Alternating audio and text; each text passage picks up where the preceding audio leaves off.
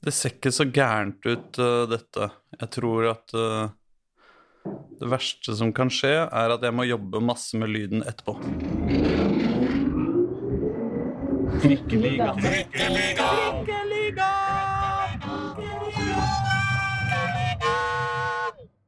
Mine damer og herrer og andre, velkommen til Trikkeligaen sesong 3. Episode 20 har vi kommet helt til nå. Jeg heter Aslak Borgersrud. Sammen med meg har jeg Reidar Solli, som har eh, munnen full av deilig bakst. Det kom litt bardus på den åpningen, så, men eh, det går over. Det er ikke noe å vente på. Nei, nei, nei.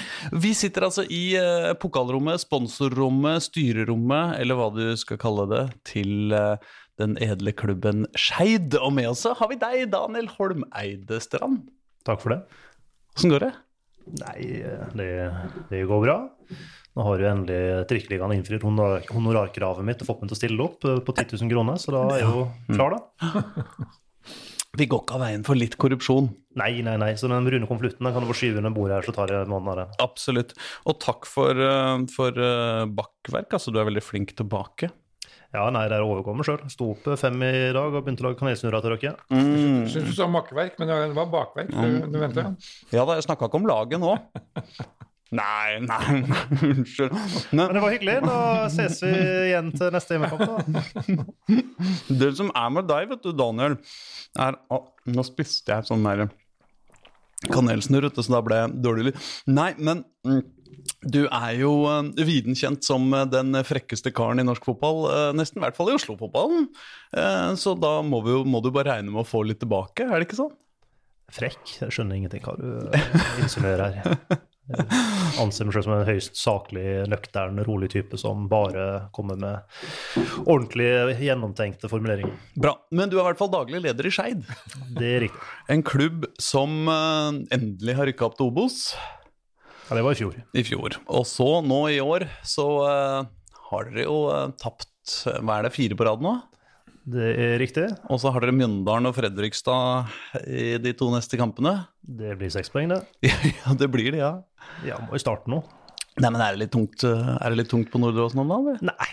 Nei, på ingen måte. Vi er veldig skal, altså, Vi er ikke fornøyd med å ta på fotballkamper. Mm. Uh, og, men vi har en, uh, en, trygghet og ro på det vi driver med, sånn sett. Mm. Så vi, kan, vi må se litt bak resultatene, så må vi se på en sesong gjennom en helhet. Så hvis man skal få panikk etter disse kampene vi har spilt, så blir det litt, litt kortsiktig.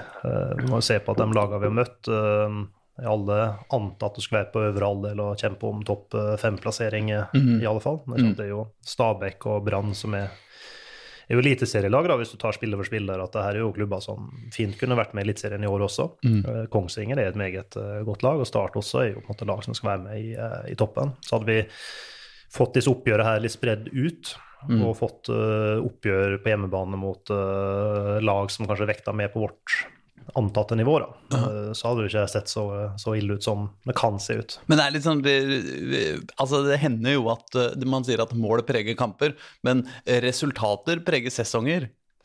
Over tid så gjør det det. Altså det er noe med det, hvis du får ja, altså I verste fall, da, hvis eh, Nå skal ikke jeg male fanden på veggen, men liksom hvis dere nå taper også mot Mjøndalen og Fredrikstad, så så, så, eh, det er jo en viss fare for at det gir en liten knekk for sjøltilliten til deres eh, edle riddere.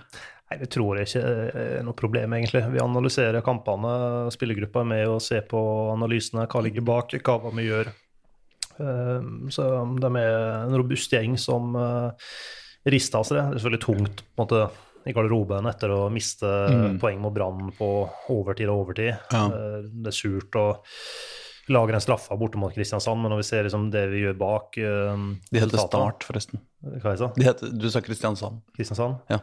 Det er en ganske anonym klubb. Ja, ja, det, det, det, er litt sånn regløst. Og det er iallfall den der uh, nest beste klubben på Sørlandet. Ja. Nå har vi poeng borte mot dem. Det var mm. dem som spilte rødt.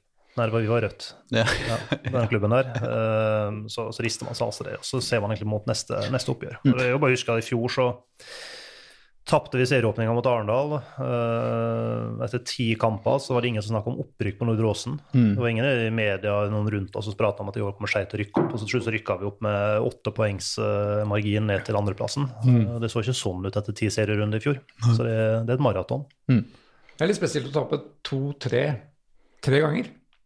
Eh, For det sier jo noe om kampbildene, og det er så, dere har skåret seks mål, null poeng.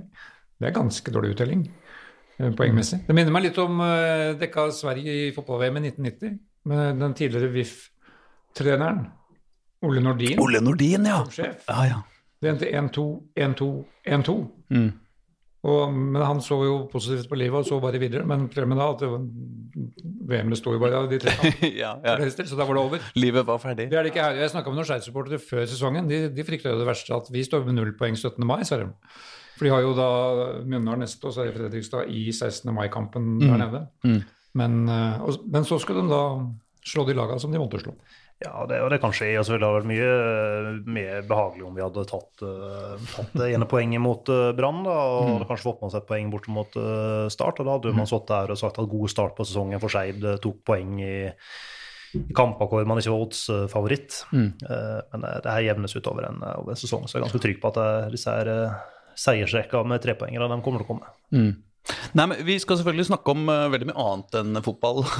holdt jeg på å si. Du, du er jo tross alt ikke sports, uh, sportslig leder, er du det? da? Du, er jo, Nei, eh, det skal du, ikke på med. du driver jo klubben. Um, Det er så mye fokus på sportssjefen, men det er ikke noen sportssjef her. Nei, vi, vi har jo ingen som har uh, den tittelen uh, i klubben. men, men før vi kommer til alt det surrete, morsomme og rare eh, i og rundt uh, Skeid, så, så var det jo eh, Så er det jo en kamp i kveld. Vi spiller inn dette på dagen på tirsdag. I, eh, i kveld så skal Skeid 2 spille mot eh, Lyn 1. Eh, en kamp som eh, jo har fått eh, ganske mye oppmerksomhet allerede, men åssen tror du det går? Det er litt vanskelig å si, egentlig. Skei 2 er et veldig godt fotballag. Mm. det har man sett spillemessig mot uh, Nordstrand borte. Hvor selv første omgangen der var jo et ja, ble jo Nordstrand herja med. Eh, og eh, man skulle jo fint kunne sagt at vi kunne slått Oppsal hjemme også, hvis vi hadde utnytta den muligheten vi skapte og vært litt mer kyniske defensivt eh, på siste, siste ti minutter her. Eh, Så at Skei 2 eh, kan slå Lyn på hjemmebane i dag, det er ikke noe, det er ikke overraskende i det hele tatt.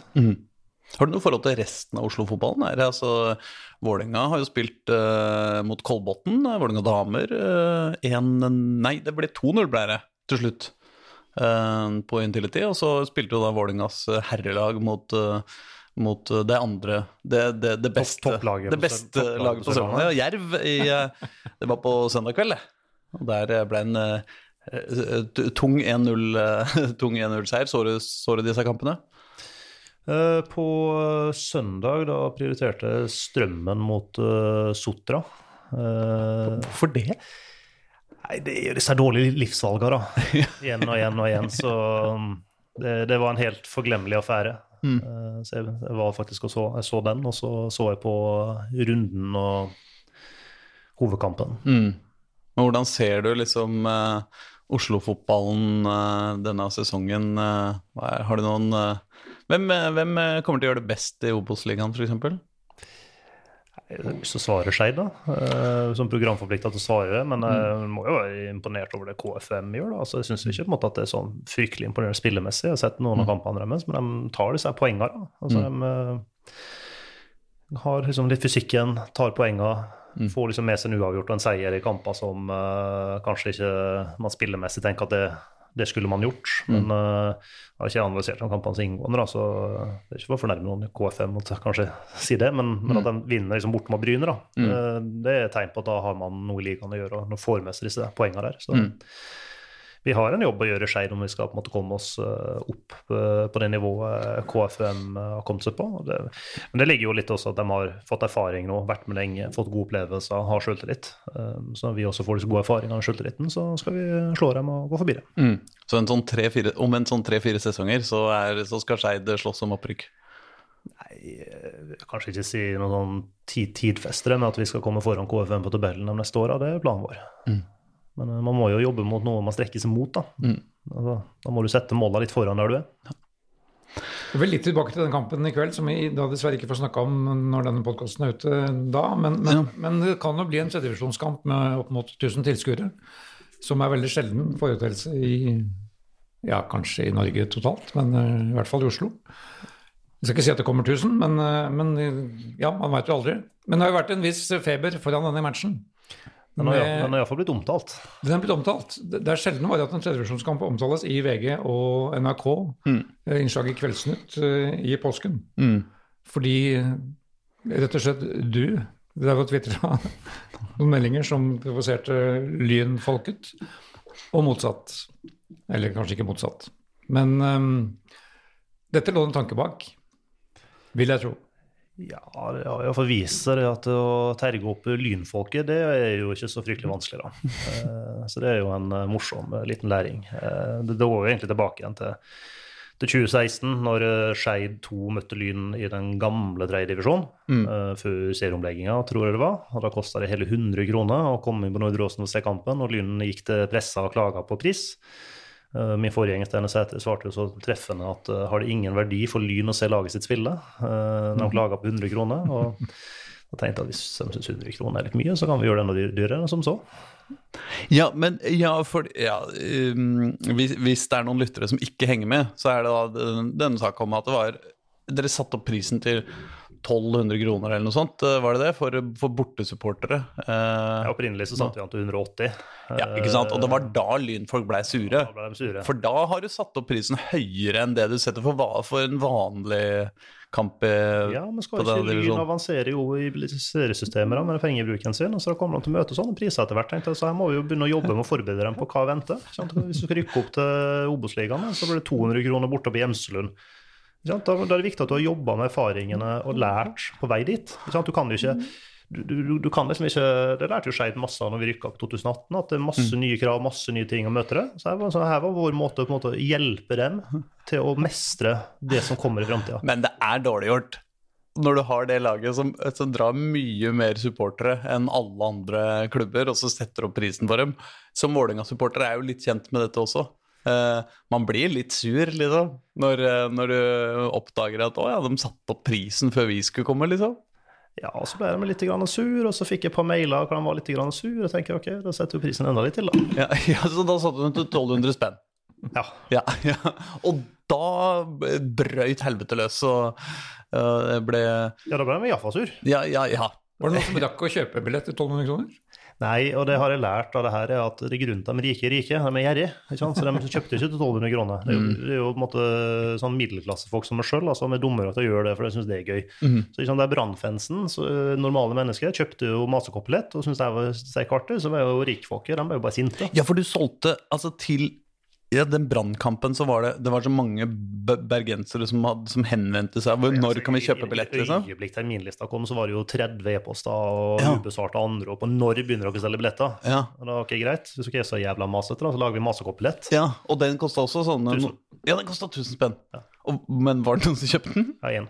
Det var en som kjøpte den. Fikk han noe, en TV på kjøpet eller et eller Han fikk ei flott T-skjorte, to Sagene kjørepils, eh, litt pølse fra Pølsesnacks fra Strøm Larsen Ja. eh, og et kampprogram. Så han var godt fornøyd. Ja, han var fornøyd, ja. Ja, Og kampbillett, da, selvfølgelig. Ja, ja. ja. Og seierslipp på overtid i tillegg, så han, han må være fornøyd. Ja, han reiser med glis herfra, så han, uh, han syns det var en eh, morsom opplevelse. Ja, ja. Men det er, sant, der har du litt humor, sjølironi. Eh, Det, det, det har du ikke på Nordberg, det har vi funnet ut. Nei, men det, det, det, det, er jo en erfaring. Eh, jeg vet ikke, føler du den var dyrekjøpt, eller du, du får jo sannsynligvis Altså, tror du det hjelper på billettsalget?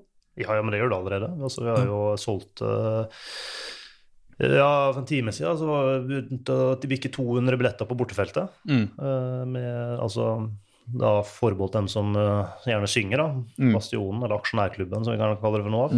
Som måtte ha kjøpt uh, billetter der. Uh, litt lite salg på hjemmetribunen, men uh, det er jo sesongkorta i regna.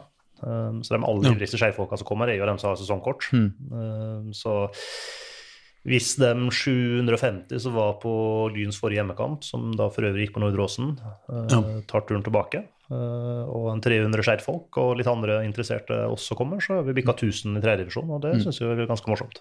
Vi kommer vel to fra Dagsavisen, tror jeg. Ja, vi to teller oss Ikke, telles ikke inn. da. Jo, vi teller, kan telle dere. Ja, gjør det. Tell, tell med oss, du. Å, Det er hyggelig. Ja, ja det, det, det er hyggelig. Men jeg trekker jo da linja her fra, fra din bacheloroppgave på Høgskolen i Molde. Oi, Nå tar jeg en lang linje her. nå er du, nå er du på jobb. Nå er jeg på jobb. og lest den. 48 sider. Jeg har iallfall skumlest den. Om, eh, om eh, Den har da navnet 'Hvordan kan Vålerenga mobilisere Oslo?' Oi! Det var Daniels det var din hovedoppgave på Sport Management i Molde i 2014. Det er riktig. Og da var du hospitant i Vålerenga. Det var et halvt år eh, 2014. Og du fant ut at ingen, ingen hadde forska på publikums uh, Hvordan man uh, fanger publikum.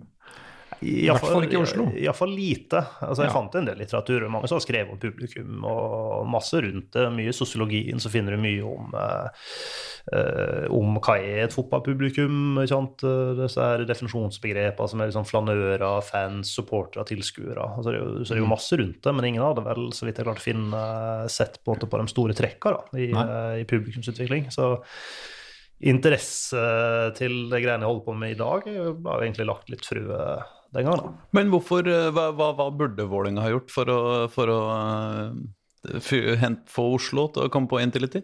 Eller det, det var kanskje før Intility, da. Nei, Det var før Intility. Da var det jo fortsatt Ullevål. Intility var vel i, eh, i planlegginga. Eh, Den store tabba de har gjort, det sa jeg til dem. Ergo kan jeg da sitte i etterkant og slå i bordet og hamre løs som en sint gammel mann, som jeg har blitt, og si hva var det jeg sa?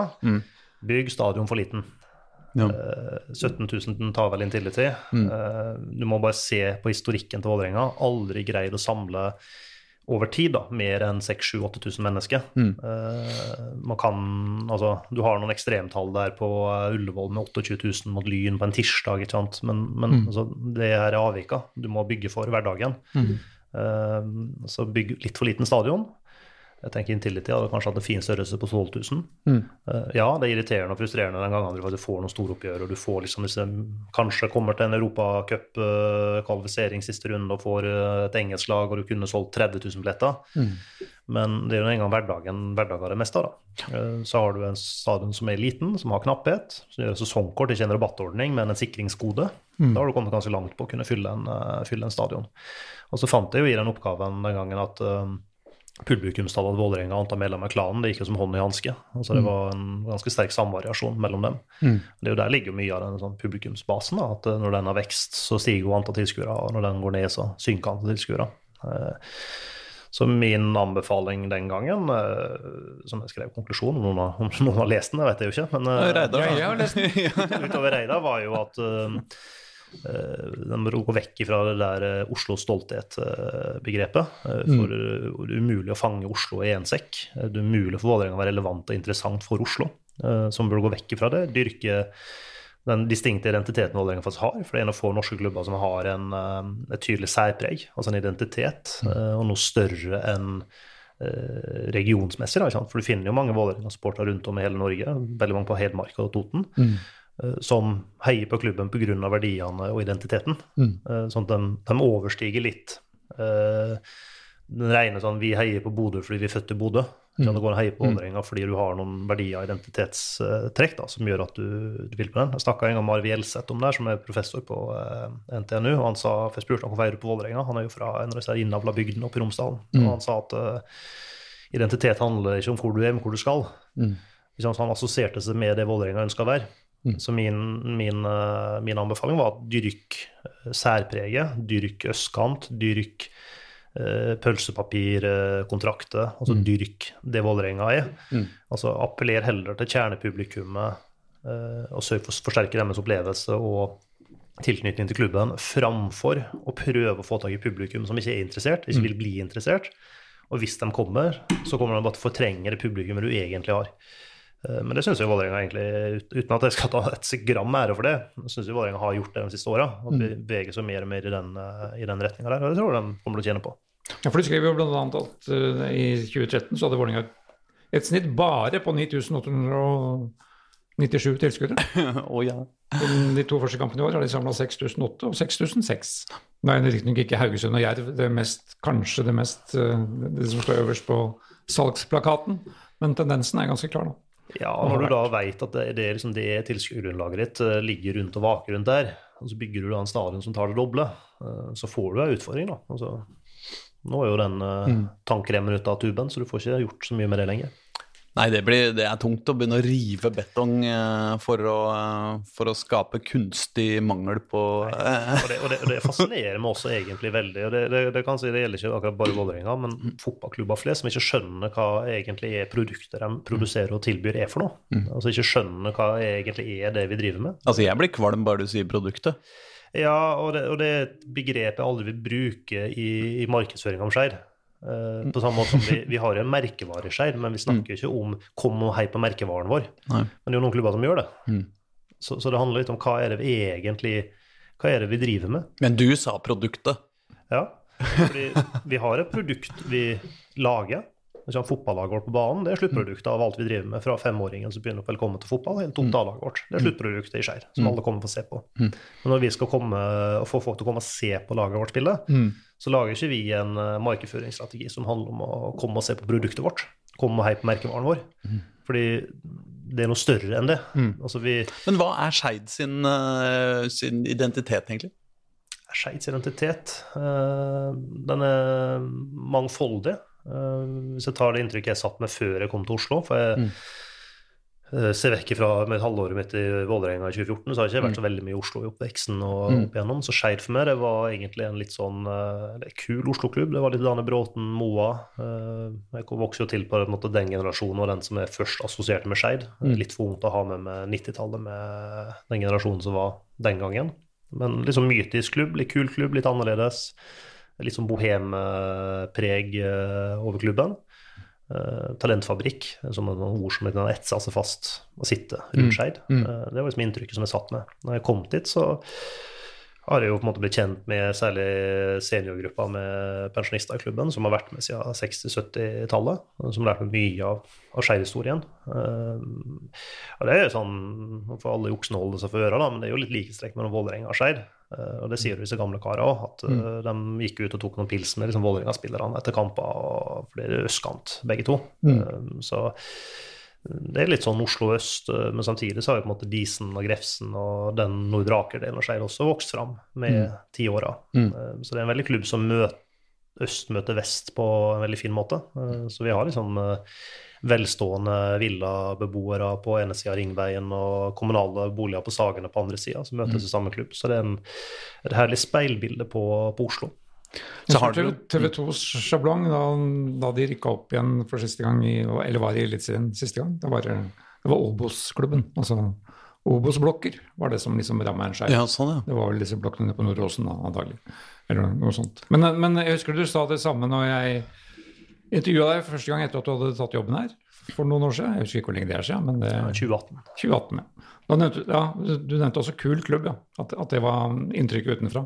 Og det har slått meg også. også eh, fotballhat, eh, såkalt, i godsøyne, eksisterer jo. Det er mange som hater Vålinga, Det er mange som mm. hater Lyn. Jeg tror ikke det er så mange som hater Skeid. Nei, Du har nå en gjeng oppe i Kjelsås uh, av ja, ja. uh, inngrodde Kjelsås-supportere, med en tre stykker, uh, som heier på klubben der de syns Skeid er en kjip gjeng. Ja. Og så ja, opplever jeg egentlig at vi stort sett har eh, venner der ute, og mange har Skeid som måtte, en klubb de sympatiserer med og liker. Altså, mm. En klubb som måtte, kan være litt irriterende, men sjarmerende for dem på et vis. Jeg fikk jo egentlig den tilbakemeldinga fra Brann. at Mm. Brannfansen syns Skeid var en fryktelig irriterende, men akk så sjarmerende Oslo-klubb. altså, vi, vi fra Vålerenga er jo eh, sjukt misunnelige på Joakim Nilsen. Eh, Jokke, eh, som jo eh, er Scheid var Skeid-supporter. Tenk så pinlig at de spiller Jokke-låter på Intility. Altså, det er jo som om Rosenborg skal spille De Derre. Nei, men det er ikke det, vet du, fordi at uh, Jokke er større enn Skeid. Uh, det kommer du ikke unna. Men han likte ikke Vålerenga. Det er en grunn til at når han ble leid inn av Vålerenga og tok pengene deres for å spille for klanen, så spilte, hadde han både Skeid-drakt på scenen. Mm, ja, altså, jeg innser dette, og jeg syns det er vondt og ubehagelig. Ja, altså, jeg bare sier det. Men han er At dere prøver å stjele han til, til Vålerenga. Han det, er eh, østkantens viktigste uh, moderne vri, poet. Vrir seg i grava, det er jeg helt sikker på. Uh, så der, det, det, det er jeg alltid vært forvirra for, at dere ikke liksom eh, klemmer den sitronen, Harry. Men, eh, men det er jo bra også, på en måte. Eh, stakkars altså, Fyren er jo dau. Han kan ikke snakke for seg. Men, men alltid vært litt misunnelig der. Men du, Daniel. du kom Altså, riktignok så har jo Reidar uh, intervjua deg allerede i 2018, men uh, veldig mange av oss andre vi ble mest uh, oppmerksom på din eksistens ja, Det begynner vel å bli halvannet år sia, eller? Da Eh, da, da, det plutselig kom en Skeid-nyhet eh, opp, eh, opp, i landets uh, riksmedier for første gang på lenge. Baneproblemet tenker du på, eller? Nei, jeg tenker ikke på bane, jeg tenker på porno. På porno, ja. Plutselig uh, arva dere uh, pornokongen Leif Hagen. Kan du fortelle om det? Hvordan, hvordan, hvordan var det? Var det sånn, jeg, ser liksom for meg på, i sånn filmer en, advokat som ringer og, og, sier Kan du komme, innfinne deg på mitt kontor da jeg skal åpne testamentet til uh, gamle, avdøde det, det, det, hadde vært gøy hvis vi hadde fått innkalling sånn og fikk sitte liksom i peisestua der, og så skal vi lese opp uh, med liksom uh, enkefruen ja, ja. Og, uh, Som bare blir lengre og lengre i maska når hun oppdager ja. at all, alt sammen går til skeid. På rå sitte litt i bakgrunnen der og følge nøye med. Og, nei, det, det, hadde vært, det hadde vært, vært noe, altså. Og du faller død om med stryknin i kaffen. Ja, ja, ikke sant? Ja. Nei, men hvordan var det? Hva skjedde? Nei, hvordan det var egentlig. Altså, det var jo kanskje det mest absurde jeg har vært med på i, i livet. Mm. Um, jeg hadde jo ikke akkurat trodd jeg skulle ja, bruke ja, hele 2021 altså, når jeg ble på uh, å forvalte uh, dødsboet til Leif Hagen. Det, jeg begynte i Skeid i 2018, så det kom jo som en uh, overraskende liten uh, Allsidig oppgave her. ja, Faktisk må jeg si at det var veldig fint at det skjedde i 2021, for da var jo, vi, var jo ny lockdown. Uh, som gjorde at vi fikk uh, ja, mye, mye, arbeidstid til, til, å jobbe med det. da. Ja, ja, sånn, av å faktisk utføre fotballaktiviteter. Ja. Vi har ikke lov å trene og spille kamper og holde på hele våren omtrent i 2021 også. Så, nei, det var da, ja. Eh, men eh, nei, når vi fikk den telefonen, så var det jo litt sånn lotto-telefon fra Norsk Tipping på Hamar. Men du fikk bokstavelig talt en telefon fra en advokat, eller fra, fra liksom familien? Fra en advokat, ja. ja. Som er da forvalteren av dødsboet. Ja, hva, hva sa han? Nei, altså vi hadde jo fått noen antydninger via via at her kunne det være noe. Ah, ja. Så vi var ikke helt uforberedt på at det kunne komme en, eh, en telefon. Mm. Men så mm. fikk jeg en, uh, fikk en mail i romjula mm. at vi kunne ta en prat uh, fra advokaten rett over nyttår. Mm. Det var sju lange dager, skal jeg si det. Ja. Uh, å vite at her var det noe. Men mm. kanskje vi har til gode sett en million kroner, tenkte jeg. Mm. mm. Det hadde jo vært forbarska hyggelig. Ja, ja. Så hva kan du ikke gjøre med en million kroner i en klubb? Du kan kjøpe en ny kiosk, og du kan uh, mm. ruste opp en tribuneseksjon. og så mye du kan mm. gjøre for en million. da. Mm. var det litt mer, da, viste det seg. Mm. Uh, men den telefonen så var det egentlig uh, veldig sånn Ja, det var litt Norsk Tipping fra Hamar. altså, sånn, Tror ikke helt på det. og hva kompis er det som har vært jævla flink til å plante en uh, ja, ja, ja, ja, ja. Det låter som en prank, ja. ja. ja. Men, men, men hva, hva, hva besto den arva i sånn konkret? Altså, hvordan, ta meg gjennom dette, ta oss gjennom det. liksom, jeg, han, han ringte, da han ringte, sa, sa han liksom en sum, eller sa ja, han liksom Han antyda en sum, men uh, som vi har mm. sagt i mange medier, så var det jo på en måte en uh, stort, stort bo. Det er veldig mm. mange arvinger. Det er jo ikke bare Skeid som har arva her. Uh, vi har arva majoriteten. Mm. og så er det jo mye variable inntekter, altså faste altså verdier som er biler og leilighet og hus og mm. båt og mye forskjellig. Altså, så vi arva et ja. innbo, ikke sant. Ja. Som et vanlig dødsbo. Det er liksom når bestemor dør, så har hun erverva ja, ting gjennom livet. Men var det da sånn dere for den bilen og en annen arving for Nei, den bilen? Liksom, vi, vi arva alt, alt innbo. Alt løsøre og innbo. Og med, med noen, noen, unntak uh, så arva vi stort sett det meste. Derfor har det tatt tid, da, for vi må avvenne og selge ting. Så da, så da, får du liksom Her er leiligheten, liksom. Uh, gå ja. her, se, ta, det, ta, ta med dere alt sammen. Ja, så, så vi arva egentlig det, og så en kontantandel da, i tillegg. Uh, som derfor har det vært vanskelig for oss å kommunisere hva er egentlig er summen til slutt. da, fordi ting skal jo selges, så du vet jo mm. ikke hva ting er verdt før markedet har sagt sitt mm. om det. Så mm. vi er ikke ferdige ennå med, med, å gjøre opp uh, boet. Hva, er du, hva, er sitter, hva er det du sitter og pusher, prøver å pushe på Finn nå om dagen? Nei, Vi har ikke solgt noe på Finn. Vi har, uh, det tar for mye tid. og Leif Hagen hadde nå en smak, men eh, det er kanskje ikke den smaken som selges på auksjonshus. Eh, Nei. På alt på innboinventar. Mm. Dette kan jeg se for meg.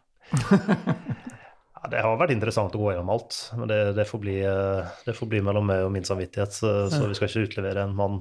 Er det mye, er det mye som gjenstår da, i salgsprosessen?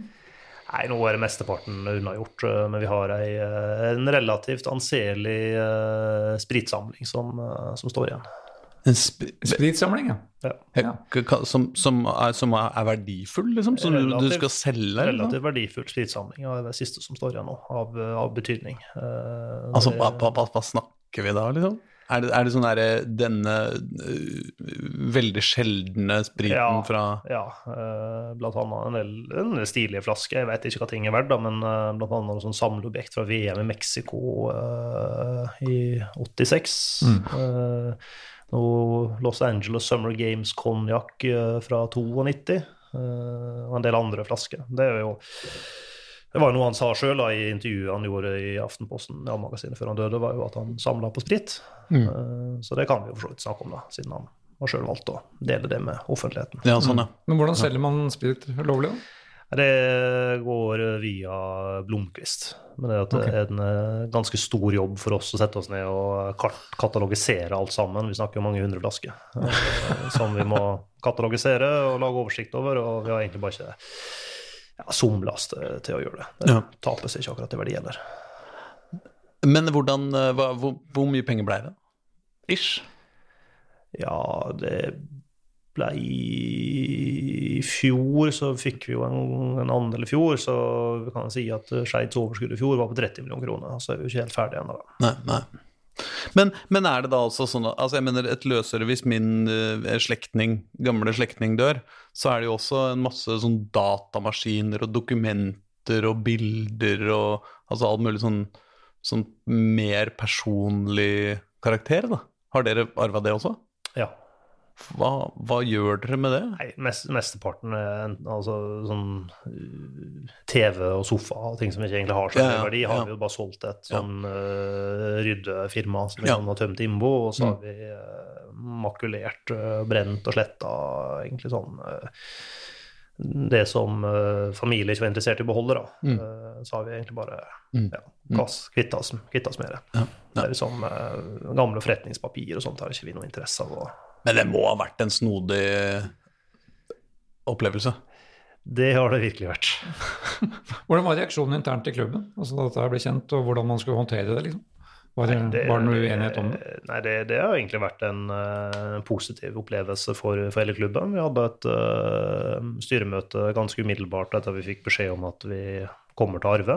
Når det fortsatt var uklart måte, hvor mye blir det. Da mm. var vi jo alt kunne bli fra 10-20 millioner, kunne bli mer. og Det var litt mm. vanskelig å si mm. hva kunne her bli. og Nå behandla man det grundig og diskuterte det fram og tilbake. Jeg må si for min Jeg kjente jo ikke veldig mye til de fagene utover sånn karikaturen de fagene som du har fått liksom, gjennom media. Så jeg satte meg ganske grundig inn i hvem han var, hva han har jobba med, og leste gamle avissaker helt tilbake på 70-tallet i, eh, i, flere aviser. Mm. Man har mest mulig innblikk hva hva var her. En kontroversiell type i mange miljøer, det kan jo liksom det ikke stikke under en stol. Mm. Um, så har man diskutert fram og tilbake. Vi informerte alle sponsorene våre ganske tidlig. Mm. Skal de skal videre høre fra oss. Mm. Og så la vi en plan for både kommunikasjonen rundt det, men også en tidlig plan for forvaltning. Hva er det vi ønsker å bruke disse midlene på? Uh, når uh, saken omsider uh, sprakk mm. i Dagsavisen, som breaka der, eller eh, merke? Alltid. Uh, så har vi egentlig bare fått positive reaksjoner fra uh, internt i klubbmiljøet, fra medlemmer, folk rundt, rundt Skeid. Og så er det jo egentlig Fotball-Norge som hele plutselig har egentlig bare respondert med, med humor. Mm. så jeg har sett mange vittige, tørre vitser, for å si det mildt. Mm. Det kan du ikke klage for mye på. Nei, jeg har ikke sans for uh, tørre vitser og humor. Så. nei, nei, nei. nei. Men for jeg mener jo, I min journalistiske barndom da jeg begynte i denne bransjen, så var det jo strid om, om uh, klubber fikk lov til å ha sponsor på draktene sine. Hvor lenge det var forbudt. Og så Avisene slabba jo bilder av fotballspillere med reklame på. Oi. På det mest ekstreme. Det varte ikke ja, lenge. Men du skal ikke tilbake til lenger enn 2005, hvor NRK insisterte på å kalle ÅFKs hjemmebane Kolderheim Stadion for Ålesunds stadion. Ja. Det er jo feil, for det heter den jo ikke. Nei, men de insisterte på det fordi de skulle ikke bruke sponsornavnet. Ja, Men riktig. dette kjenner jeg en viss sympati for, altså, det må jeg si. Men jeg, mente, da- jeg mener da at en av historiene var at alle menn skulle være sponsor for Skeid. At Nei, det var aktuell rapport. Aktuell rapport var det, ja. Ja, det fortalte mm, den gode Trond Bjerke, eh, Ja. som er med oss den dag i dag. Han var i møte med Den historien har mange hørt allerede, men han kan ta den kjapt. Så det var jo at han var i møte med Reif Hagen da, i 79 sammen med eh, Larsen. Han eh, Hva heter han? Jeg må hjelpe meg her. Eh, Arne Arne Larsen. Arne Larsen. Ja, som, enkelt og greit. eh, var formann i fotballgruppa den gangen, og Skeid holdt på å gå konkurs, eh, som så mange ganger før. eh, Som skjer i fotballens verden i, i ny og ne. Nå er det Raufoss som sliter med det, så det er jo sånn evig syklus. Fått med seg at han var fra Bjølsen, og var sympatisør for Skeid. Hadde solgt sånne Skeid-merker i barndommen eh, for å samle penger til klubben. Eh, gikk til han og spurte om eh, han kunne sponse Skeid. eh, og han kunne kjøpe ryktavla for litt penger. Det var bare det lov å ta reklame den gangen. Da ville han ha aktuell rapport på ryggtavla til Skeid. Og så spurte han eh, hva ville koste. Og Trond og Arne dem var nølende til det her hva det skulle egentlig koste. Før de rakk å svare, så han bare slengte sjekk efter bort med å skrive ut det dere trenger. Og så spurte han om vi skrive ut eh, 50 000, da. Ja ja, det går bra. Skriv ut det. Og så løp gutta og betalte versekreditorene og fikk dem unna. Jeg tror totalgjelda var på en million mm. i 1979, og det er jo ganske mye i 1979. Ja. Det er fortsatt et anselig beløp i dag. Ja, ja. Uh, og så får jo da pressa taket der. NRK med Dagsrevyen lager innslag. Dagbladet var førende med han Istad. Leif Istad. Leif Istad. Ja. Uh, var en av førende avisene som var, skrev mye om det her. Kom litt rusta med utmeldinger. Noen skeitspillere ble litt lurt ut på glatta av eh, Dagbladet til å si at uh, de skulle ikke spille for Skeid makt etter rapport på ryggen. Og da var jo liksom hele levende i gang, da. Og etter nok leven så endte det med Fotballforbundet på tinget sitt vedtok at det ikke var lov å bli sponsa av herremagasin. Ja, For det var, det var kategorien herremagasin. ja. Ironisk nok så hadde jo NFF da reklamefaktuell Rapport i sitt årsmagasin. Og derfor sier de mente at hvis NFF kan reklamere for Aktuell Rapport, så må vi jo kunne gjøre det. Men det var visst forskjell på uh, noen dyr er likere enn andre uh, den gangen òg. Så det endte iallfall med at det ble forbud mot det. Og Da gikk jo Trond og han Larsen tilbake igjen til Hagen da, og sa vi må heve kontrakten, for vi får ikke lov til å markedsføre Aktuell Rapport. Så vi må lage en nedbetalingsplan på den 50 000. Da har Hagen sagt at det er ikke gæren, ikke klar med gratis reklame jeg har fått, vil dere ha mer penger? Så han berga Skeid eh, den gangen. Og nå eh, berga han, eh, berga Skeid igjen. Eller det, det var kanskje ikke helt i krise, jeg vet ikke. Berga, så det var ikke noe krise. Men Nå var det bare ekstrapenger. hjalp godt på. Ja. Så, eh, Har du solgt pelsen, da? nei, den har jeg faktisk for forbud mot å selge. Jeg prøvde meg på det, men jeg fikk beskjed av styreformen at den skal ikke selges, den skal du bruke. Så da Okay, Ja, du sitter jo her uten pelskåpe i dag. Jeg tror det er første gang jeg har sett deg uten pelskåpe. Så. Altså, det, det er litt sånn songbetont. Off- Off-season faktisk er den beste perioden å gå med den. Og Har du prøvd ulvepels noen gang? På ingen måte. Nei, men eh, den er så varm som du kan se for deg at den er. Ja. ja nei, men Og så henger vel portrettet av han på naborommet her på presserommet, tror jeg. Der henger det et eh, maleri av. Maleri av, Leif Hagene. Det henger på rommet sine. Som er medierommet under kampene. Hver sin smak, sier nå jeg. Ja, ja Men, det, det er. Ja, det, var ikke, det er jo en av de tingene i Imbo som på en måte ikke fikk meg til å kaste, eh, som jeg er litt usikker på hva skal vi gjøre med. Jeg vet ikke om et eh, Leif Hagen sjølportrett eller maleri Og det er sjølportrett. Eller det er kanskje ikke sjølportrett, men det er for maleri av han, portrett. Mm. Om det har liksom noen verdi. da, så Hvis det sitter noen der ute som eh, har veldig lyst på et maleri av Leif Hagen på veggen sin, så får de ta kontakt. Men det har, fått en helt naturlig plassering på medierommet Ja. på Jeg, jeg liker litt at han sitter og ser ned på pressen der inne. Det, Ja. Som, eh, som den pressemann Nei. Um, Nei. Samme av det. Ja. Um, jeg lurer på om vi skulle da gå videre til kunstgresset, ja. Um, for det, er, det her har du jo også hatt noen Skal vi sette en tids, tidsramme da, kanskje? En tidsramme? uh, ja, det er det, vet du. Det kan jo, Daniel, du kan snakke om det i timevis. Ja, det er ikke noe problem. Jeg har jo slitt med det her i fire år nå. Ikke sant?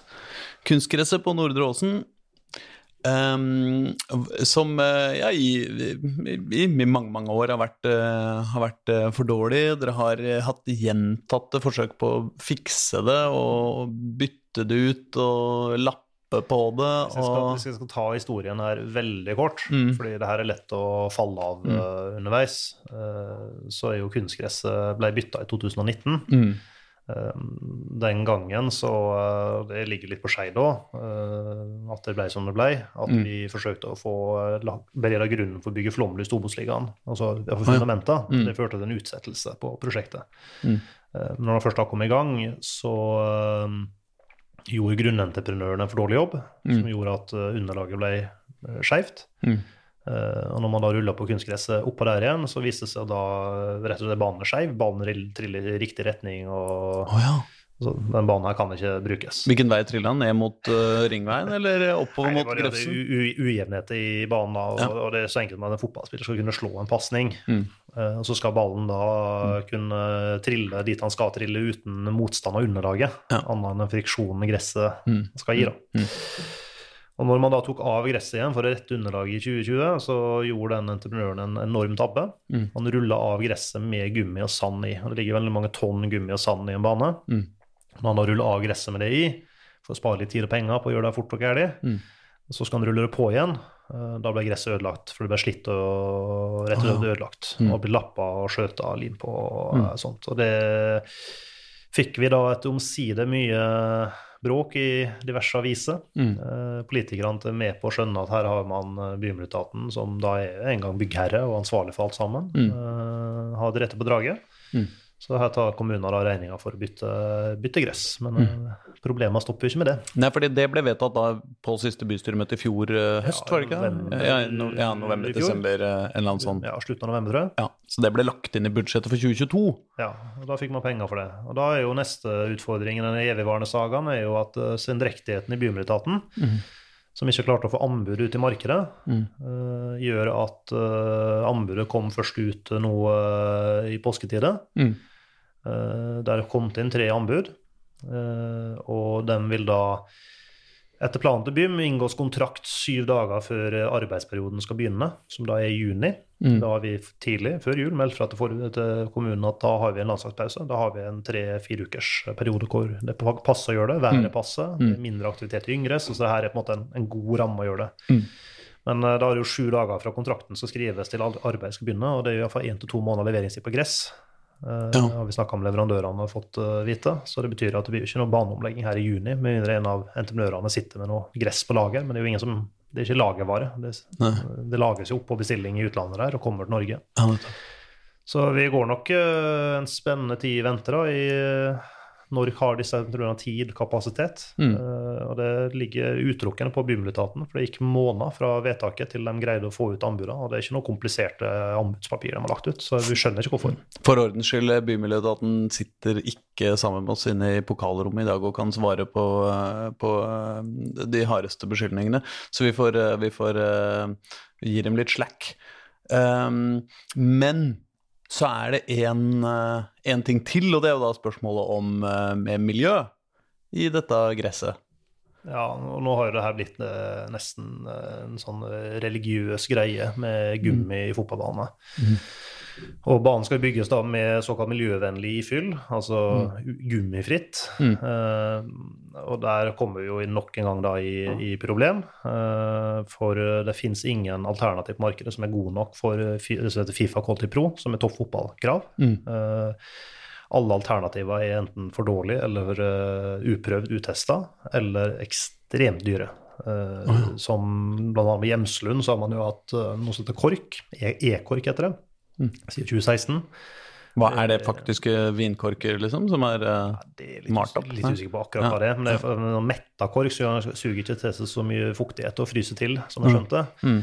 Men den er så dyr at Kongsvinger kommune går tilbake til gummi i år, når de bytter rekke der. Det er jo millionbeløp på etterfylle. Mm. Men det er jo øh, øh, vel etablert miljøproblemer med, med kunstgressbaner, og at gummi blir tatt med hjem i sokker, og at det blir måkt av om vinteren og havner i vannet. Ja, Og, det, var det var det. Men Nordrosen 1 har faktisk alle miljøkravene på plass innenfor forskriften til Miljøverndepartementet. Mm. Så vi har eh, snødeponi på asfalt, som er inn, inngjerda av ringmur. Ja. Der er rister ved alle utganger. Så absolutt alle krav eh, gjort på Nordrosen 1. Så det forsvinner ikke noe særlig gummi?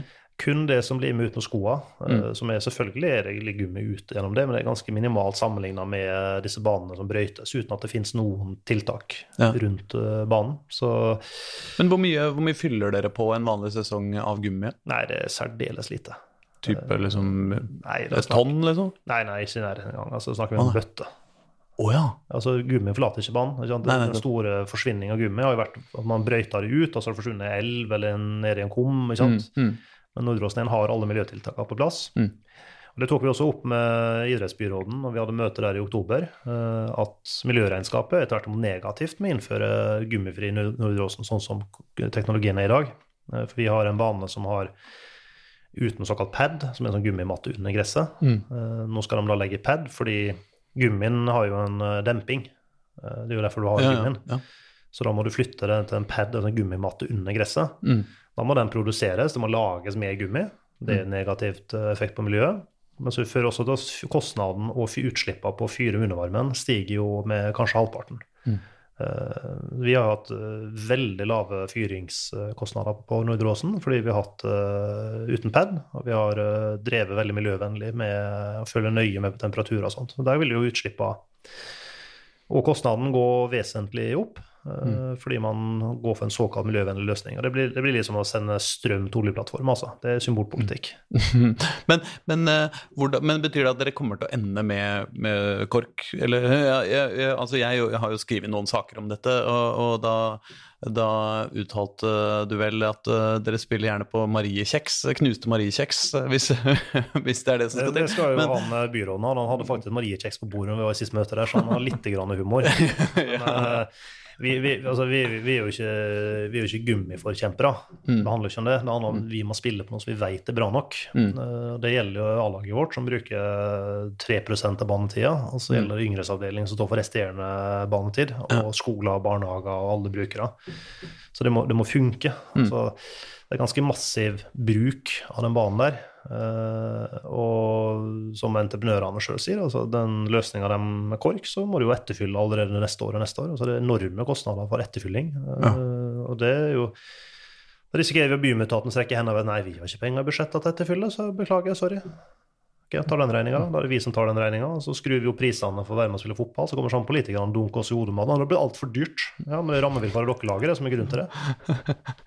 men, men, men, men eh, hva, hva, blir det? Blir det kork? Eller det har vært snakk om olivenstein Nei, olivenskall? Nei, det eneste som kanskje er Fifa Quality Pro-godkjent, er, mm. er kork. Kanskje. Mm. Um, så vi får bare se når anbudet går ut. Men mm. vi ja, vi, vi, er ganske mør og slitne. Altså. Veldig trist at den største motstanderen vi har for å drive fornuftig virksomhet i byen, er i kommunen. Altså det, og det går igjen på alt. Altså vi, det, det, det, er så små grep Oslo kommune skal gjøre for å tilrettelegge for at vi kan drive med ordentlig spillerutvikling, som er da menneskeutvikling. Mm. Gangs mennesker vi driver og lager her.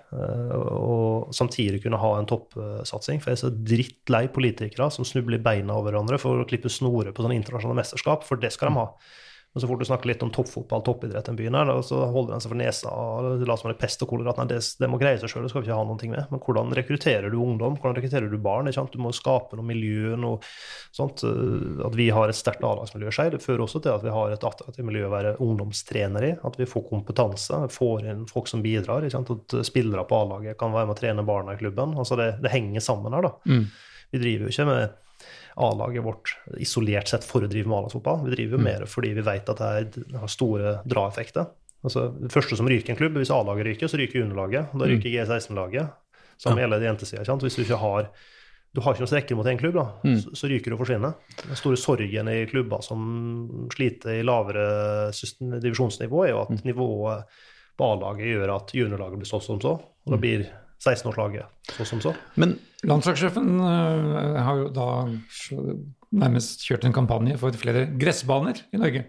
Dere har jo en gressbane her. Er, den, er, den, ute av drift? Ja, den brukes, men det er jo en park. Det er jo ikke, det er jo ikke en, en, ordentlig god gressbane. Den også ligger jo på kommunale eiere. og i fjor så prøvde vi å ta initiativ til at vi kan ta over drifta av den, for at vi kan gjøre det bedre, men vi fikk jo bare nei. Eh, mm. Det gikk to måneder av sommersesongen før de kom og klippet den første gangen. Og spurte ja, er ikke på tide å begynne å klippe da? Det var to måneder. Og jeg fikk et svar nei, vi har mangla gjødsel, så jeg trenger ikke gjødsel for å klippe det.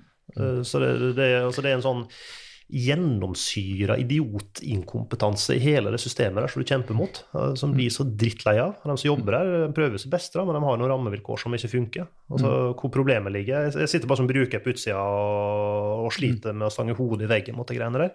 Og lyst til å få til ting, men så blir du Altså det, det er sånn der norske byggeklosser på et sånn helt banalt nivå. altså at eh, Nei, da må du snakke med han på den avdelinga, så blir du sendt tilbake igjen dit. og sånn, har du feil skjema. så er det, Nei, vi har ikke gjødsel på lager, så vi kan ikke klippe banen før vi har gjødsel. Selvfølgelig kan du klippe banen, du har gressklipper. Så vi har kjøpt vår egen. Vi gjør, bare gjør ting sjøl. Så det funker ikke. Men har ikke dere altså helt sjukt mye penger? Kan dere ikke bare fikse det? Ja, det er det vi driver med. Ja.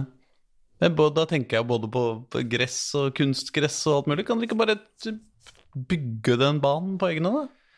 Ja, men det, det er sånn delvis òg, fordi vi har allerede identifisert at vi skal bygge anlegg for eh, 10-15 millioner kroner i år. Eh, det høres ut som mye penger, men du Ja. får ikke så mye for, for det. Altså det, det. Det er mye penger, men det er ikke så veldig mye penger likevel. Mm. Så nå har vi Nordåsen 2, som er jo Norges dårligste fotballbane. Mm. Eh, det er jo knapt kvalifisert til å være en fotballbane. Men det er ikke den gressbanen dere snakka om? Nei, Nei. Det er den som eh, ligger ved siden av kunstgressbanen hovedbanen. over hovedbanen. Ja. Ja. Det kunstgresset er 20 år gammelt og helt ubrukelig. Mm. Der har vi med egne penger støtta Obos eh, og litt andre måter å skaffe penger på. Så har vi helfinansiert den banen der. Koster ikke det fellesskapet ei krone. Mm. Og vi har vært i møte, vi har maila, vi har jobba på for å få tillatelse til å sette i gang. Vi får ikke svar. Det mm. et halvt år, og kommunen svarer ikke engang. Mm. Koster ikke noen en krone. Det er litt påfallende for oss, da, for vi hører delvis samme historie fra Kjelsås, som sliter med Grefsen stadion, og som ønsker å bytte dekke der. Og som har dette myrer, myrejord også. Og så Ikke minst fra Lyn og, og Kringsjå og problemene Altså, der. jeg kan godta nei, jeg kan godta motstand, jeg kan godta at du må forklare, det, men jeg ikke får svar. Mm. Altså, det er så pinlig at jeg blir så forbanna når jeg sitter og prater om det, at det, det maner ikke. Mm. Så det er en idrettsbyråd som må gå i seg sjøl. Så man må rett og slett gå i seg sjøl, og så må man begynne å lese innboksen sin. Eh, For det, det, det, det holder ikke. Altså, det er så svakt at uh, Å ikke svare idretten som du er ansvarlig for, det, det er faktisk ikke greit. Mm. Altså, det, det, det blir ordentlig sinna når jeg sitter og kjenner på Jeg merker det. Du blir, du blir litt eh, Ja, altså, du blir ekte sinna. Det er en elendig fotballbane som vi, Mm. vi har skaffa finansiering. Vi fikser, vi Mm. ordner, vi gjør alt. Mm. Ingen respons. Mm. Og det er pinlig.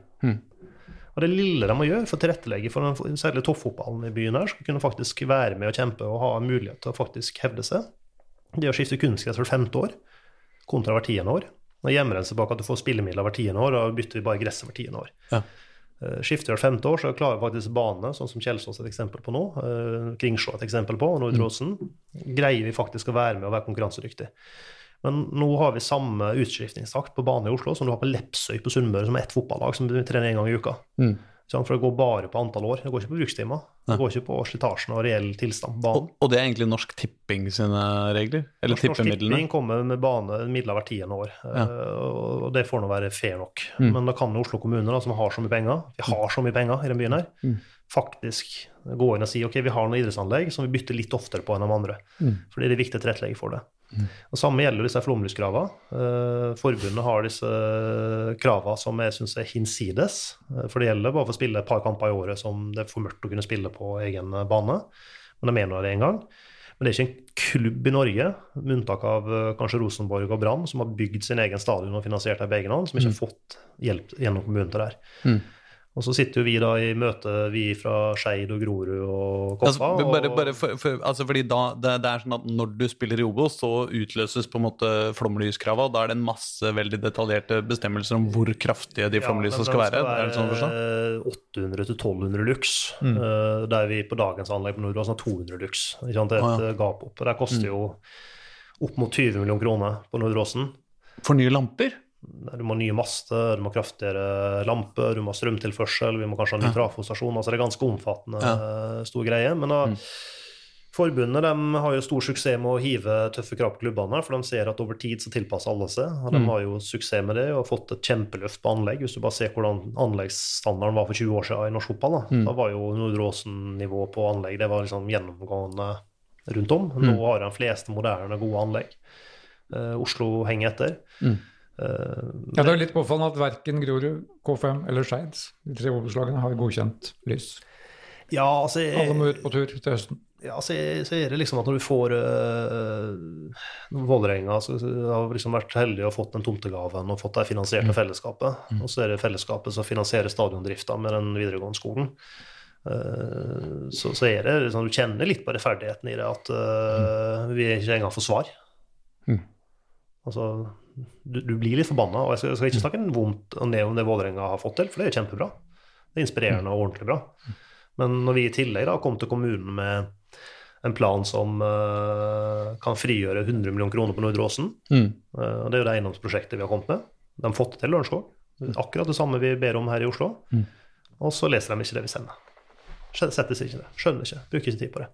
Og da sier vi hvordan har vi råd til å si nei til 100 millioner kroner til idrettsanlegg i byen her? Som bare er i lufta over oss.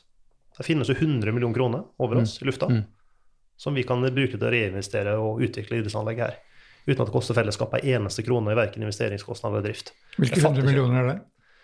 Det er det ene prosjektet vi har her, hvor vi ønsker å bygge ja. nytt klubbhus med um, boliger over. Uh, vi mm. øker antall kvadratmeter idrettsareal på Nordåsen ved å det sånn. Mm. Vi tar ikke en flekk uh, som brukes av noen den dagen. Vi bruker lufta over oss og fortetter rundt et kollektivknutepunkt. Mm. Og Der ligger det et overskudd på det prosjektet med dagens boligverdier på 100 millioner kroner, som øremerkes til utvikling av idrettsanlegget. Det, det, at man har råd til å si nei til det, uten å sette seg inn i det, uten å lese papirene, fatter ikke. Men det er jo også å flytte eh, eiendom fra, det, fra fellesskapet nei, nei, og til det private. Nei, nei, det skal eies av kommunen. Mm. Fortsatt som før. Kommunen fortsatt eiere. Mm. Det er egentlig bare at akkurat det har Lørenskog fått til, en Arbeiderpartistyrt kommune for øvrig. Mm. Der har kommunen solgt uh, tomter rundt uh, Rolfsrud, mm. uh, som privat utbygger da bygger boliger på. Mm. Så tilfører de midlene tilbake igjen til uh, stadion der. Bygger da en Obos-ligaarena med flere baner, klubbhus osv. Så, videre, og så, videre. så mm. Lørenskog får faktisk et Obos-ligaanlegg lenge før Oslo. Mm. Men det, det, nei, det kan jo være det er noen som, noen som mener Jeg er selvfølgelig en nøytral journalist i alle spørsmål, men, men, det kan jo være at det er noen som mener at en kommune faktisk, som Oslo, burde være i stand til å ha um, gode idrettsanlegg for, for fotballagene sine. Uten, ja, å, uten, å, nødvendigvis gjøre dem, til, gjøre dem til sånne private boligprosjekter. Nei, nei vi trenger ikke å, å, ta noe ut av kommunal eie. Uh, men uh, Igjen, da, hvordan har man råd til å si nei til om mulighetene finnes der? Mm. For uh, vi, vi, ser på en måte ikke at det er noen tapere med et sånt prosjekt. Mm. Og vi ser heller ikke at det er noen tapere med å tilrettelegge for uh, fotballvilkårene i byen. Nei, det skulle jo tatt seg ut. Det er jo alltid noen tapere i fotball, da. Det, det hører på en måte med. Hvis ikke hadde det ikke vært gøy. Ja, det er riktig. Men jeg, nå fikk jeg øst ut av meg at jeg, jeg syns kommunen har forbedringspotensial. ja, ja, ja. Men uh, i, i Skeid så, så, er, så er alt på stell. Ja, begynner å plukke disse poengene, så er alt på stell. Ja, ikke sant. Nei, men for det var Det har jo også vært noen runder uh, nå, uh, nå, i det siste som, som jeg har følelsen at du har kosa deg med å, med å drive å drive PR for, eh, for, kamper. Det har vært fyrt opp, ikke bare mot Lyn også, inn mot Oppsal har vært fyrt opp uh, i forbindelse med cupen, var det det? Ja, det var i fjor. Ja, ja jeg mener i fjor, ja. Uh, og uh, du er liksom glad i å du er, du er, glad i å få folk til å bli sinte på deg, liksom? Nei, ikke akkurat, akkurat det. det her er jo det er bare å hilse til Anders Vindegg, som eh, er vår eh, representant i Skjermeria, som tar foto på kamper. Han, mm. Eh, han, tror aldri på meg når jeg sier at jeg har egentlig veldig lite oppmerksomhetsbehov privat. jeg snakker aldri om meg sjøl. Altså hva jeg driver med på fritida mi, og hva jeg bryr meg om å tenke om privat. Men jeg har veldig stort behov for å få til Skeid for mm. mest mulig oppmerksomhet. Uh, og da må en stikke fram hodet og, og by litt på og, og lage interesse. for det er sånn hvis ingen forteller at du skal på den fotballkampen der, så går ikke du på den kampen. Mm. Noen må fortelle deg at du skal dit. Uh, nå i helga så var det jo Kjelsås Frigg eh, på lørdag, uh, og det har jeg ikke fått med meg. I kakafoni av alt mulig man driver med her i livet sitt og holder på med, mm. så har jeg ikke fått med meg at den kampen der spiltes før han var i gang, og det var litt for seint. Mm. for den kampen hadde jeg gjerne vært på hvis jeg hadde huska det. Mm. Men det er jo fordi der er jo ingen kommunikasjon fra eh, disse to klubbene rundt den kampen. Det kan hende de har gjort det, men de har ikke nådd med. Mm. Eh, Det er nok riktig, for det var bare drøyt 200 tilskuere. Det var bare 200 tilskuere. Ja. Men Mm. igjen, eh, det der tror jeg er et oppgjør som egentlig kunne hatt en 5 6 7 800 men, men da er du nødt til å gjøre et innsalg. da. Altså, Man markedsfører jo fordi det har en effekt. Mm. Eh, at folk snakker om Skeid, mener om Skeid, uh, hva Skeid er på en måte på uh, i avisa blir leses om, det, det driver jo på en måte tilskuertallet, fordi folk blir interessert og nysgjerrige og kommer. Mm. At folk som aldri egentlig har vært på Skeidkamp, bare ikke kommer på Skeidkamp, syns vi er noen tullinger, det lever vi godt med, for det er jo ikke måte, målgruppa vår allikevel. Så det er egentlig bra for deg, den der ødelagte kunstgressbanen.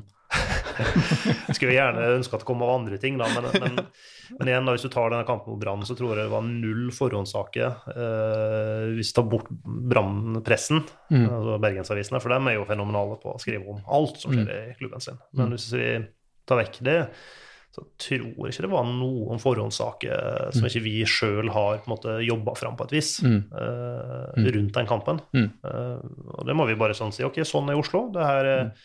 sånn medielandskapet fungerer i Oslo. Da må vi bare tilpasse oss uh, at vi ikke får si, Vi får ikke noe gratis, da. Mm. Altså, Dagsavisen har blitt kjempeflinke med podkasten vi sitter og prater i her, og med dekning av hele Oslo-fotballen. Men vi kan jo ikke forvente at Dagsavisen skal skrive bare om Skeid. Og være på treningene våre og måte, Mm. jage fram saker Mm. som uh, Fevennen kan gjøre da, om Kristiansand. Ja. Uh, Eller hva det nå heter. ja, Ja. ja. den der. Eh, så, så, så må vi på en måte Vi må levere saken da, i større grad. Mm. Uh, sammen med den dødballsponsoratet som vi fikk på TV 2. Eh, det, det er jo på en måte fordi vi, vi jobber fram vinklinger, jobber fram saker, pitcher ting. For mye nei på forslag vi har òg, for Mm. det er ikke alt som på en måte treffer, er nyhetsverdig. Sånt. Eh, Men vi har mange aviseredaksjoner vi på en måte jobber med rundt her. Mm. Alt fra det små til Nordraker Budstikke, som gjerne skriver om pantebua vår og småting i, i hverdagen, til på en måte de litt større sakene. Hvor mye har begravelsesbyrå måttet betale nå for dødballene til nå? Eller hvor mye er det per dødball? Jeg får uh, 10 000 per straffespark imot, så det er derfor vi lager så mye straffer mot. Ja, så det her fyller jo kassa. Kan ikke dere forklare hva dette er snakk om? Følger ikke du med, Borgersrud? Ja, han følger bare med Dagsavisen. Jeg tror, jeg tror ikke vi har skrevet om saken. Nei, jeg tror ikke jeg skjønner det. Men, eh, det er Men jeg, jeg snakker nå først og fremst på vegne av lytterne, som jeg, jeg eventuelt ikke har fått med seg at de som hører på det har lest og satt seg inn i, i Skeid før de hører på. Ja, ja, selvfølgelig. Altså, du, du må jo komme med sånn kompendium mm. som ligger ved lenka, lest opp på følgende kompendium, og så kan du høre episoden. Men de trenger ikke det, fordi våre lyttere er faktisk eh, de mest intelligente som fins i hele Norge. Det er noen mer intelligente i Sveits, men i Norge er det ingen mer intelligente enn trikkeligalytterne. Men eh, det er ikke sikkert alle har fått med seg akkurat dette likevel. Det var at Vi fikk et be- verd begravelsesbyrå. Har gått inn og sponset dødballene våre. Mm. Eh, så ikke mer avansert som så, Nå skal lagde TV 2 et eh, ganske fint innslag TV 2-sporten om den uh, sponsoravtalen. Mm. Så hver gang dere får et dødball, scorer et dødballmål, eller slipper inn et dødballmål Nei, det er en vanlig sponsoravtale med et fast beløp. Men så har vi eh, Geir Skaus flotte stemme som ja. leser opp eh, at Skeids dødballer eh, sponses av Verd begravelsesbyrå. Din Ja. siste reise. Ja, sånn, ja. Ja, ja. Da har vi det på plass. Jeg har, jeg har fått med meg altså, sånn i bakøret, men eh, ja, samme av det. Ja, men det er jo en type, Du sier at du ikke fronter deg sjøl, men jeg, husker jo da Qatar-debatten fikk på fotballtinget i fjor. Da var du relativt aktiv. For det har jo da Der også var du kraftig engasjert, skjønte jeg. Ja, men det opprører meg. Ja, altså, hele skjønte den der eh, Qatar-greia. Mm. For jeg elsker fotball-VM. Eh, Mest sluttspill i fotball eh, er noe av det morsomste jeg vet om. Altså. Det var, altså, da setter jeg av tid. Jeg ser alle kamper og leser og følger med. Altså, jeg elsker sluttspill eh, i VM, men nå føler jeg at eh, det har blitt frarøvet eh, den gleden eh, på en så ekkel måte at jeg ikke kan, jeg kan ikke se på det mesterskapet. Så det, det kjente at det, det, det reiv og sleit i følelsene, altså. altså at det, det, det var egentlig vondt. Altså, når du ser på en måte noe som skal gi så mye glede og gøy og inspirasjon, da, er liksom bygd på døde arbeidere. Det, det jeg klarer ikke. Så da, det, var, det, var egentlig, det var egentlig mer emosjonelt, uh, okay, akkurat det der. Får jeg dra en uh, svært intellektuell referanse? Uh, det fins et teaterstykke på Nationaltheatret som heter 'De må elske Nei, de må pule oss eller føde oss for å elske oss', eh, som handler om rasisme. Eh, om hvordan eh, eh, hvite, hvite folk da, ofte ikke greier å ta rasisme på alvor før det på en måte rammer oss personlig. da, Før det liksom er den vi elsker eller den vi har gitt uh, liv til, eller noe sånt, som, uh, som, som, det, som rammes av det. Og, og her, det, bare, det bare slo meg som en liten link til det Qatar-VM-greiene. At uh, mange av oss, da, åpenbart du, liksom så er det men det er det personlige som er litt sånn ekstra oppi det. At, at liksom Ja, men jeg har lyst til å se det jævla mesterskapet. Ja, men du har nok rett i det. Men det er for at det skjer det som er jævlig i verden, at du skal ta inn over det alt. Mm. Så går det for hardt utover psyken. Mm. Så du må på en måte gruppere verden litt og katte, lage noen båser, kataloger å putte verden i. Og så må du mm. stenge ut en del ting. For hvis du mm. skal ta inn over det absolutt alt uh, som du ikke syns er greit i verden, så mm. blir du et ganske depressivt menneske. Ja, det var ikke, det var ikke ment som, eh, som, kritikk. Jeg bare, jeg bare syns det var litt sånn uh, jeg, For jeg har det litt på samme måte. Det er litt sånn der, det samme Ukraina-krigen, at det går inn på oss på en helt annen måte enn Syria-krigen. Fordi det har med nærhet, tror jeg. Mm. Altså at uh, sånn banalt så geografisk kjennes så mye mer ut på døra vår. Også mm. fordi vi er naboland til Russland, så kjennes nok det ja, ja. mer nært ut da, enn ja. en konflikt i en mer fjern del av verden. Mm. Men samme det, det var en, det var en avsporing på Nå begynner trikkeligaen å komme ta de store spørsmåla òg, ikke ja, bare sånn, skjemt og fjas i, i Oslo. Så, Ta på meg all skyld for det. Vi skal vende ja. tilbake til virkeligheten. Ja, men jeg, jeg, lurer på om vi skal la også lytterne vende tilbake til virkeligheten, og at vi skal, skal si oss fornøyd. Men nå som disse lytterne kommer jo da til å høre dette etter kampen mellom Skeid 2 og Lyn i kveld, sånn at hvis du tipper et resultat nå så vil de jo vite umiddelbart om du har rett eller tar feil. Ja, jeg er veldig glad i sånne ufortjente knepne, ekle seire som gjør motstanderen blir ekstra bitter på at uh, tapt mulighet. Så en sånn uh, skitten uh, 1-0-seier til Skei 2. Oh, ja. Med litt sånne ufine Skulle vært Sjølmål uh, fra Lyn. Oh. Og så ingen sjanser skapt i resten av kampen. Bare tupping og mæling og innkast og sånn i 90 minutter. Ekte destruktiv fotball. David lykkes ikke, med andre ord, i kveld. Nei, vi bytta ut etter 45, litt sur og tverr og fikk ikke til. og Sånn, sånn kamp, da er det fint, vet du. Oh. ja, men så, så, koselig, da. Ja, takk. Men uh, takk, for at du, takk, for at vi fikk komme. Jo, takk for honoraret. Uh, jo, bare hyggelig. Bruk det til hva du vil. Ha det. Ha det.